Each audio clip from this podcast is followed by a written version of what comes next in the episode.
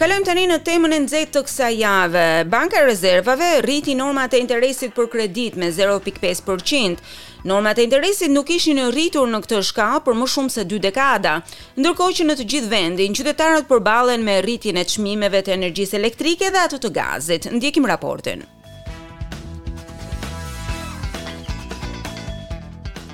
Rritja e fundit e normave të interesit ka të ngjarë të shkaktojë frikë në zemrën e shumë pronarëve dhe blerësve të shtëpive. Së bashku me rritjen e çmimeve të energjisë elektrike dhe gazit, shumë prej tyre tani do të përballen edhe me një dimër të vështirë. John Robertson nga Food Bank në New South Wales thotë se disa familje po sakrifikojnë gjërat thelbësore të jetesës.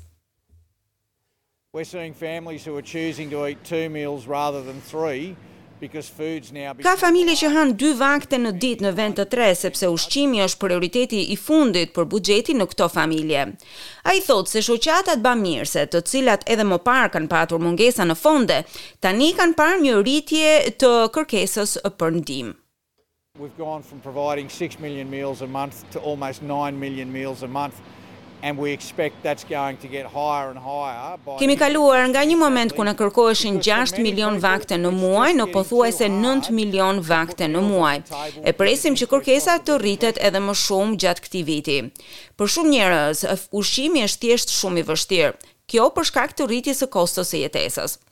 Ka rreth tre pikë pesë milionë pronarë shtëpish në të gjithë Australinë, shumë prej të cilëve do të preken menjëherë nga rritja e normave të interesit. Është rritja më e madhe e normave të interesit që në vitin dy mijë. Në një deklaratë, guvernatori i Bankës së Rezervës, Philip Lowe, thotë se çështja kryesore është rritja e inflacionit, që ndikohet drejtpërsëdrejti nga faktorët ndërkombëtarë dhe ata vendas. Shefi i Thesarit, Jim Chalmers, thotë se situata do të përkeqësohet përpara se të përmirësohet. This cost of living crisis has been brewing for the best part of a decade. It will take more. Kjo rritje e kostos së jetesës ka zier për gati një dekadë, e do të duhen tani më shumë se dy javë e gjysmë për ta kthyer në pozicionin origjinal.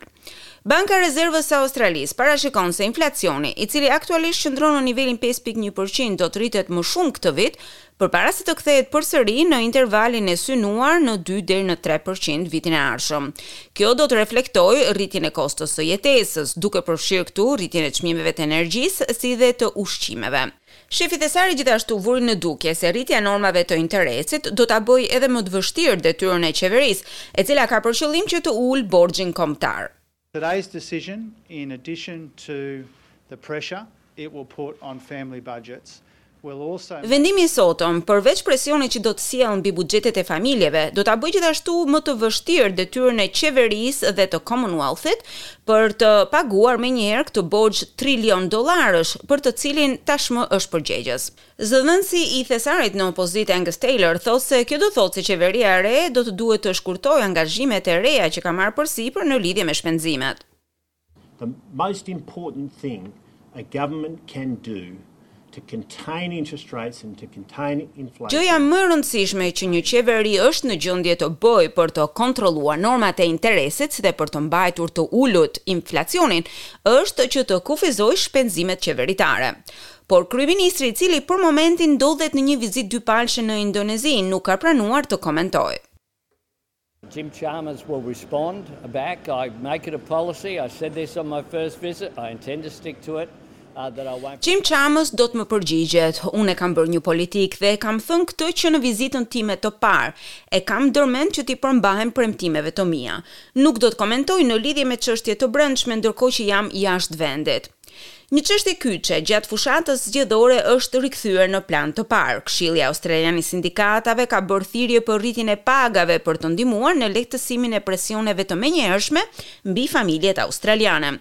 Komisioni i të Drejtave të Punës për rritjen e pagës minimale pritet që të takohet në fund të këtij muaji.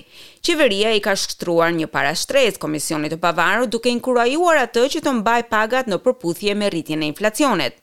Sekretari i sindikatave, Sally McManus, thotë se është një rritje për disa punëtorë të cilët janë më të paguarit në vend, por kjo mund të ndihmojë në stimulimin e ekonomisë. The statistics also show that low paid workers spend every single cent that they earn. They spend that on essentials, Statistikat tregojnë se punëtorët me paga të ulëta shpenzojnë çdo cent që fitojnë në ushqime, në gjëra thelbësore. Ata i shpenzojnë këto të holla në komunitetin e tyre lokal, kanë më pak për të shpenzuar dhe bëjnë këto brenda komunitetit lokal. Por ekonomistët, duke përfshirë këtu Sarah Hunter nga KPMG, thotë se një rritje shumë e lartë e pagave mund të çojë presion mbi inflacionin. the national minimum wage award, which we get in a couple of weeks, the private sector momentum, and now we're going into the bargaining agreements between unions and Niveli kombëtar i pagave minimale, momenti i sektorit privat, tani po hyn në marrëveshjet e negociatave midis sindikatave dhe punëdhënësve. Të gjitha këto së bashku do të sjellin një presion në rritje në lidhje me inflacionin, thotë ajo. Ndërkohë Banka e Rezervave thotë se pret që inflacioni të rritet. Kjo do të thotë se më shumë australianë duhet të fillojnë të kursejnë, sepse do ta gjejnë veten në vështirësi financiare në muajt në vazhdim.